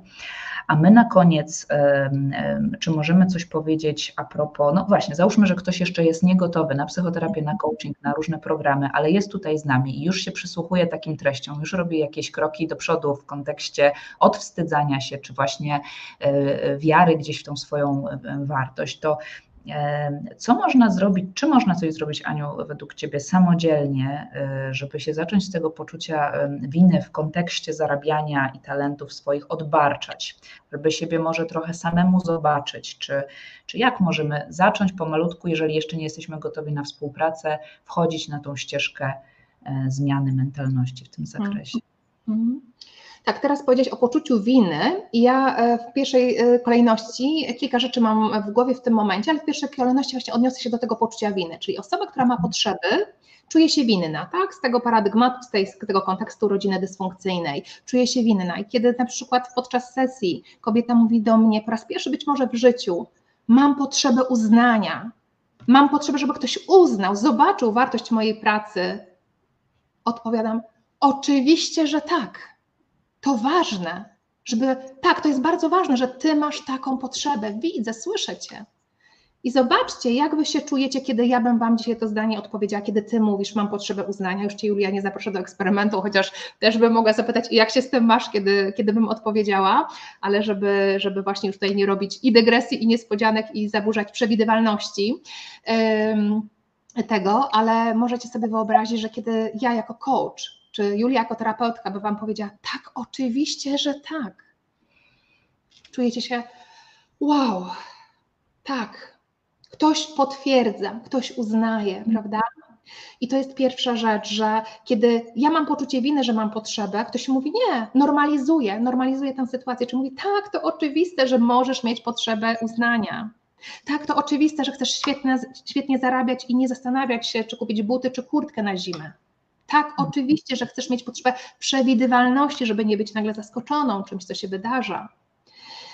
Zatem to jest pierwsza rzecz. I wy sami, bo pytacie, jak samemu można z tym pracować, tak, z tym tematem. Sami to sobie dawajcie, uznawajcie, pomyśl, jaką masz potrzebę i, i daj sobie te, wprowadź drugi głos i powiedz sobie tak, to, tego wewnętrznego rodzica, tak? Twoja wewnętrzna dziewczynka mówi, mam potrzebę, przewidywalności, a ty jej drugim głosem, tym swoim wewnętrznym odpowiedz, tak, oczywiście, że to jest ważne, oczywiście, że tak, to normalne i to oczywiste, że masz taką potrzebę i zobacz, jak my się czujemy, jak bardzo uznani my się czujemy.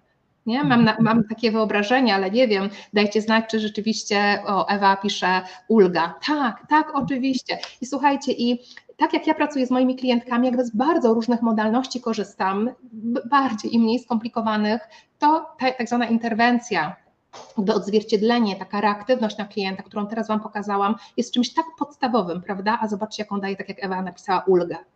Mhm. Dalej, co bym też powiedziała, to to, że y, zobacz w ogóle, jak można ze sobą pracować. Ja jestem zwolenniczką tego, żeby w ogóle rozpoznać, czy ja chcę dokonać jakiejś zmiany, ponieważ to wcale nie jest oczywiste, że y, wiesz, że y, że coś, co uznajemy, na przykład, że ja mam potrzebę widoczności, prawda? I mam bardzo dużą potrzebę widoczności. I problem i wielkie cierpienie ludzi bierze się stąd, że cisną na tę potrzebę, ponieważ mają pewien koncept umysłu, ale też wynikający z serca. Tak, chcę być widoczna, potrzebuję tego, żeby świat się dowiedział o moim talencie. Yy, ale teraz zrób rachunek. Zobacz, co ci daje to, że nie jesteś widoczna. Zobacz, jakie potrzeby masz zaopiekowane, kiedy nie jesteś widoczna nie jestem widoczna, to się nie narażam, nikt mnie nie oceni, nikt mnie nie wyśmieje.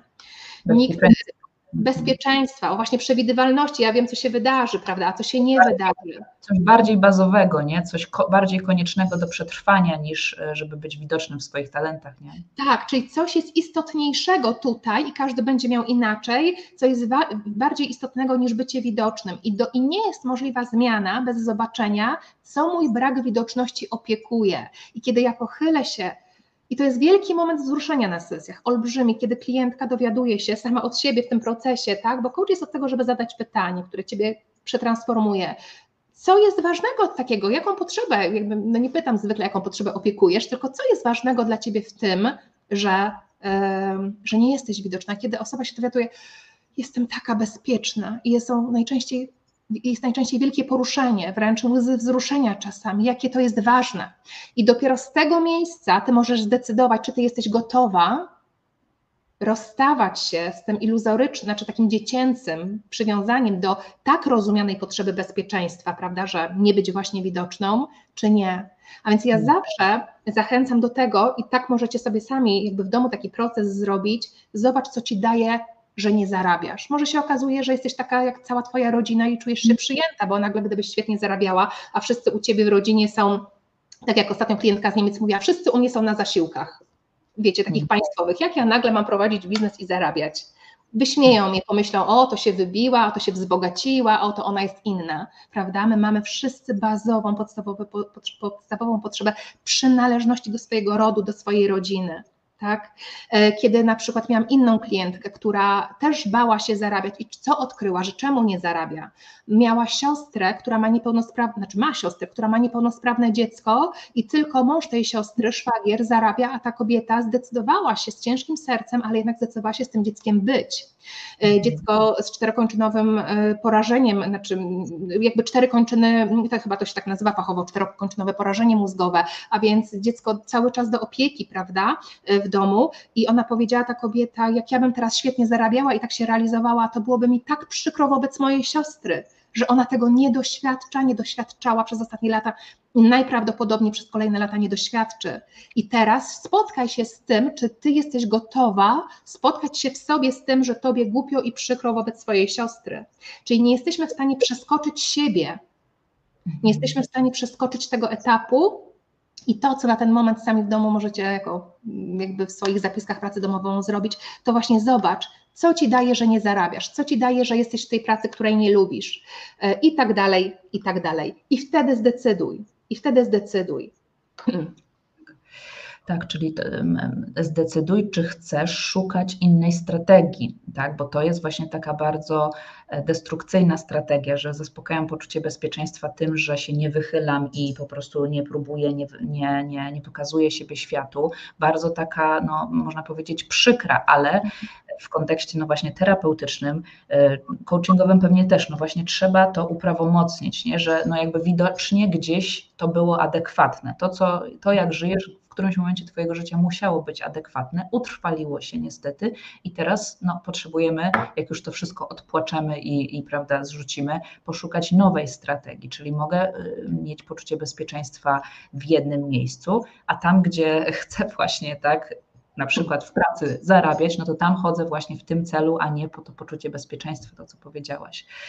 I to, to, to bardzo ważne właśnie, żeby zadać sobie pytanie o wtórne korzyści z tego, jak żyję i to, jak mówiłaś, przyszło mi jeszcze do głowy słowo odpowiedzialność, czyli czy naprawdę chcesz wziąć odpowiedzialność za to swoje już dorosłe życie, bo moje doświadczenie w pracy mm, z osobami DDA, DDD pokazuje i również powiedzmy teoretyczne, że to osoby, które często wykończyły się w swojej nadodpowiedzialności w dzieciństwie, ponieważ tam było zapotrzebowanie na nadodpowiedzialne dziecko, w dorosłym życiu często na różne sposoby są nieodpowiedzialne, chociaż często wyglądają jakby były odpowiedzialne, a wręcz współuzależnione i robiące bardzo, bardzo dużo różnych ruchów, to gdzieś na głębszym poziomie jest dużo nieodpowiedzialności. I często oczywiście przychodzi się, pewnie masz takie doświadczenie na coaching i na psychoterapię, również w jakiejś takiej nieodpowiedzialności. To znaczy, że no dobra, niech się już tam ktoś mną zajmuje, niech będzie, że coś robię, ale że gdzieś w środku nie ma tego zdecydowania, że tak, dobra, zabieram się rzeczywiście za to,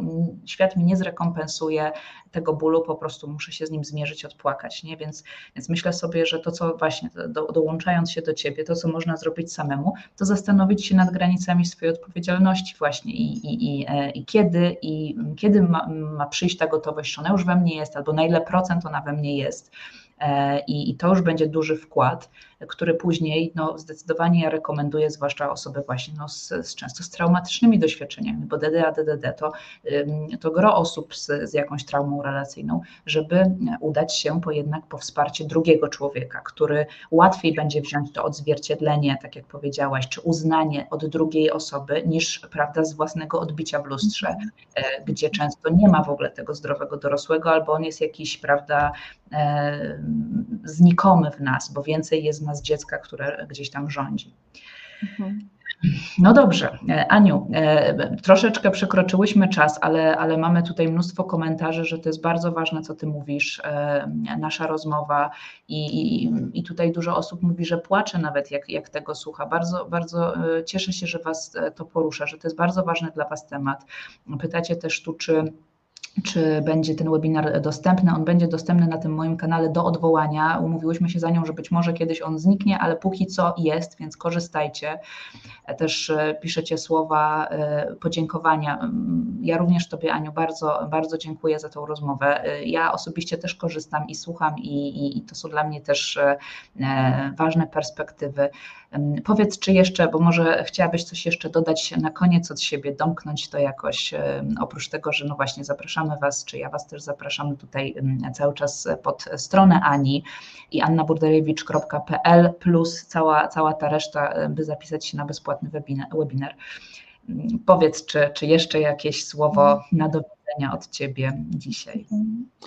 Tak bym chciała też e, znormalizować ten proces zmiany u ludzi, to znaczy często my dostrzegając, i myślę, że to też będzie takie dobre jakby merytoryczne zakończenie, bo odniosę się do pewnej teorii, e, do pewnej teorii, a mianowicie kiedy my często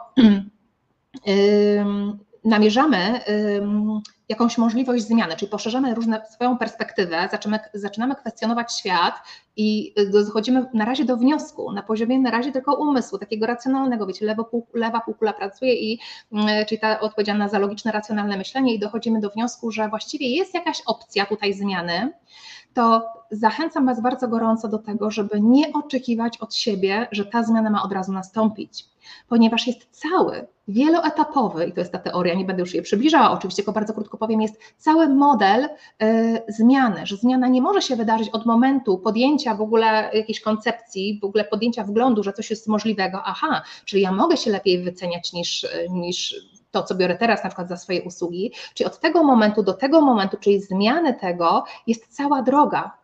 Jest kilka etapów, które czasami zajmują kilka miesięcy, czasami nawet kilka lat, ale jakby też kilka tygodni, czasami, czasami jeszcze krócej, prawda, w zależności jakby od osoby tematu i jakby tutaj mm, jakby jej specyficznej takiej sytuacji wewnętrznej, prawda, uwarunkowań. Y, jest etap kontemplacji zmiany na przykład, prawda, czyli ja mhm. się zastanawiam właśnie, czy to mi się w ogóle opłaca, czy to mi się mhm. opłaca, żeby się zmienić, prawda? Także ja nie będę teraz tego modelu tutaj przytaczała, chociaż jest on bardzo ciekawy. Natomiast, tak jak mówię, nie oczekujcie od siebie, że od momentu, kiedy wpadniecie na to, że jest możliwe coś innego, że świat wy zaczynacie kwestionować swoje przekonania, że za tydzień czy za miesiąc coś się musi zmienić. Mhm. E, I też e, Julia, mam tak, taką myśl, ponieważ obiecałyśmy też e, odbiorcom, że odpowiemy na jakieś pytania. Także jeżeli jest jakieś pytanie, wyłapujesz jakieś pytanie, które mogłoby dotyczyć większości ludzi, to jak najbardziej mhm. możemy jeszcze chwilkę się przy tym zatrzymać. Mhm. Ok, nie, e, nie widziałam e, chyba pytań, ale jeżeli komuś teraz by coś przyszło do głowy, to, to zapraszamy. Generalnie spływają tutaj podziękowania, także bardzo, bardzo, bardzo Cię cieszymy. Ja, ja naprawdę czuję taką wdzięczność i do Ciebie, i do siebie, i, i za tą naszą rozmowę, że po prostu tak możemy coś odwstydzić, możemy chociaż jakby taką swoją cegiełkę tutaj dołożyć e, w tym temacie jako tutaj pomocnicy Waszych terapii czy Waszych procesów, taki głos jeszcze tutaj e, internetowy, więc, więc bardzo cieszymy się, że, że, że wysłuchaliście. I już gdzieś mam jakieś jedno pytanie, poczekaj, poczekaj, coś mi tu mignęło. Hmm. hmm. Teraz coś było o kobietach. Widziałam i mi. O, to, mm, takie ogólne pytanie, Aniu, no ale może coś, coś będziesz chciała o tym powiedzieć, zwłaszcza, że pracujesz jednak z kobietami. Pani Sylwia Wielk pyta, czy to jest związane z tym, że kobiety ogólnie gorzej siebie traktują. To było tam przy chyba trzecim pytaniu naszym to, to pytanie. No, tak może ogólnie coś. Mhm.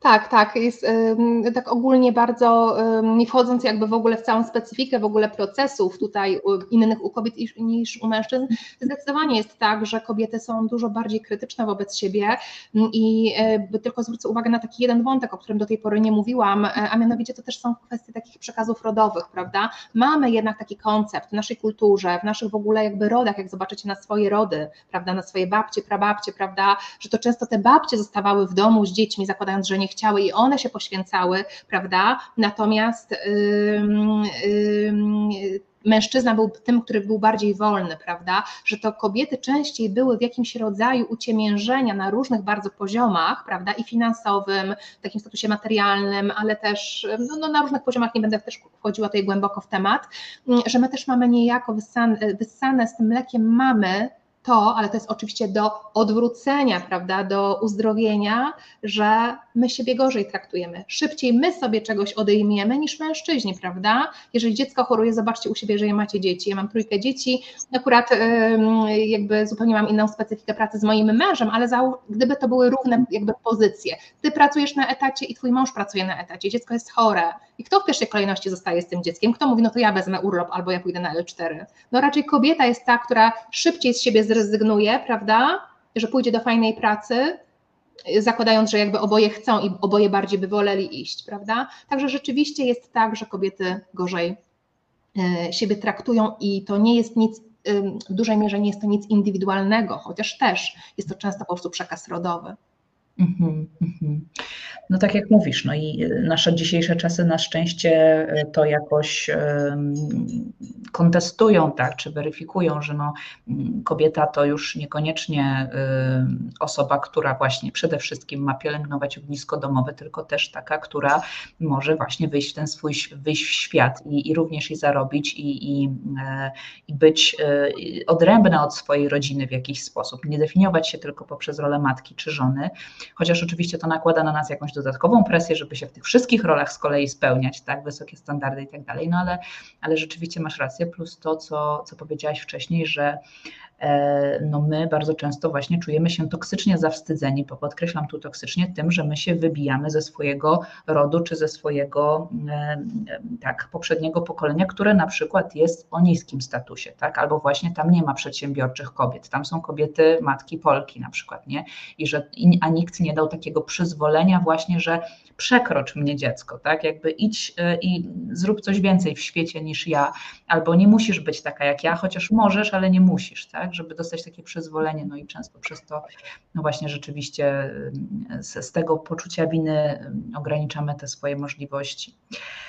Dobrze, pojawiają się tutaj jeszcze jakieś takie pytania, na które mam wrażenie, że już powiedziałyśmy co nieco, czyli jak zacząć się tu samemu transformować, czy właśnie co zrobić, żeby wyjść z tego wycofania, to to myślę, że już Ania, Ania powiedziała co nieco, więc e, pozostawimy Was tutaj najwyżej z tym niedosytem, a, a więcej Ania pewnie jeszcze też powie w, w webinarze mm, o tym, o którym Wam tu już wspomniałam, czyli jeszcze raz go e, tu przytoczę, ale też jeszcze może ostatni jakiś taki ciekawy komentarz Pani Delfiny na zakończenie.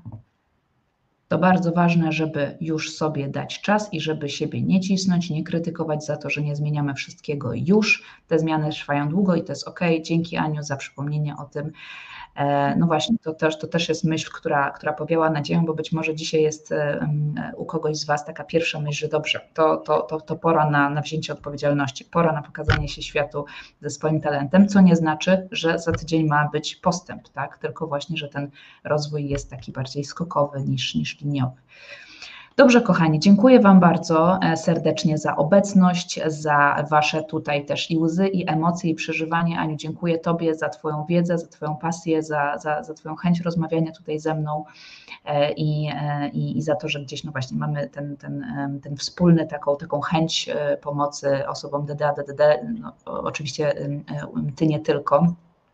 No i cóż, e, być może do zobaczenia gdzieś na jakichś szlakach, e, ścieżkach e, zawodowych lub mniej zawodowych i no i tutaj postawimy kropkę. Tak. Dziękuję Julia za zaproszenie, dziękuję Wam wszystkim, którzy byliście na żywo w takiej dużej e, właśnie ilości. Czułam bardzo mocno tą energię w ogóle grupy, że rzeczywiście jest tutaj tak mocno energetycznie e, i mm, dziękuję tym wszystkim, którzy będą odsłuchiwać. Mam nadzieję, że to dla Was wartościowe treści, dzięki którym będziecie mogli jakiś ruch do więcej dzisiaj nawet sami w swoim zaciszu domu zrobić. I ja chciałam tylko też jeszcze powiedzieć, że ten link, który się Wam tutaj wyświetla, czyli annaburdejewicz.pl, zapis na webinar październik 20 2022, czyli 2022 roku. Jest to webinar, tak jak Julia powiedziała, ale chciałabym to jeszcze tutaj doprecyzować, mm, jakby żeby sytuacja też była przewidywalna e, i jasna, że jest to webinar adresowany, oczywiście zapraszam każdego, ale mm, webinar jest ten adresowany dla coachek, terapeutek, uzdrowicielek i ten webinar ma tytuł Pokaż się światu bez lęku przed oceną i porażką, czyli jest, webinar ten otworzy sprzedaż do programu mentoringowego Wyjdź do świata i zarabiaj dla coachek i terapeutek właśnie, Także jest to dość tutaj uniszowiony program i webinar. Natomiast jeżeli macie ochotę pozostać w kontakcie ze mną, to ja w kolejnych miesiącach będę organizowała również inne kursy online'owe. Najczęściej robię to w postaci takiego też kontaktu jeden na jeden ze mną, czyli w postaci takich programów mentoringowych i one będą w różnych tematach i um, będzie między innymi w ogóle o wycenianiu się, czy o matczynej ranie, na przykład jeszcze w tym roku kalendarzowym planuję taki, e, taki kurs uruchomić. Ja może wyślę tego linka, gdzie można śledzić, nie wiem, czy ty tam masz go, Julia, czy też nie. Newsletter, tak. I tutaj na tej stronie można się zapisać, czyli annaburdewicz.pl łamane przez newsletter ukośnik i na ten moment tych ogłoszeń, kiedy jaki program się pojawi, na przykład w tym roku pojawi się również zaproszenie na bezpłatny webinar, który otworzy sprzedaż, y, sprzedaż programu mentoringowego w temacie matczynej rany, czyli w ogóle jak uzdrowić matczyną ranę właśnie w kontekście zawodowym, kontekście biznesowym, kontekście zarabiania. W przyszłym roku kilka też tematycznych innych kursów, programów mentoringowych będzie, zatem jeśli chcecie pozostać w kontakcie i, i jakby obserwować te moje wydarzenia i bezpłatne i odpłatne oferty, to zapiszcie się proszę do newslettera, to pozwoli Wam nie ominąć um, tego, co, co tam w przyszłości będę proponowała. Także dziękuję Wam serdecznie za uwagę. Julio, dziękuję Ci serdecznie za Twoje zaproszenie. To była wielka przyjemność spotkać się, mówić, dzielić się wiedzą i też jakby z Tobą się, Julia, spotkać, posłuchać Twojej ekspertyzy, Twojej olbrzymiej wiedzy. Także dziękuję serdecznie i, i pozostajemy w kontakcie. Pozostajemy w kontakcie. Kochani, ja Wam teraz właśnie podlinkowałam oprócz linka do webinaru Ani, to też właśnie link do, do newslettera Ani, to zachęcam Was, zapiszcie się. U Ani będzie intensywna końcówka roku z pewnością, a ja Was zapraszam jeszcze w tym roku na, na przynajmniej dwie rozmowy, no w zasadzie to trzy, ale może nie powiem wszystkiego, bo zobaczymy, plany się układają, ale na kolejne, no właśnie, dwie, trzy rozmowy wokół toksycznego wstydu w różnych jeszcze innych wątkach, wątkach i odsłonach, tak żeby tak kompleksowo zaopiekować ten temat. Także pozostaniemy w kontakcie, jeżeli Was to interesuje i, no i trzymamy kciuki za Wasze zmiany. Dzięki, do zobaczenia, dobrego dnia. Dziękuję.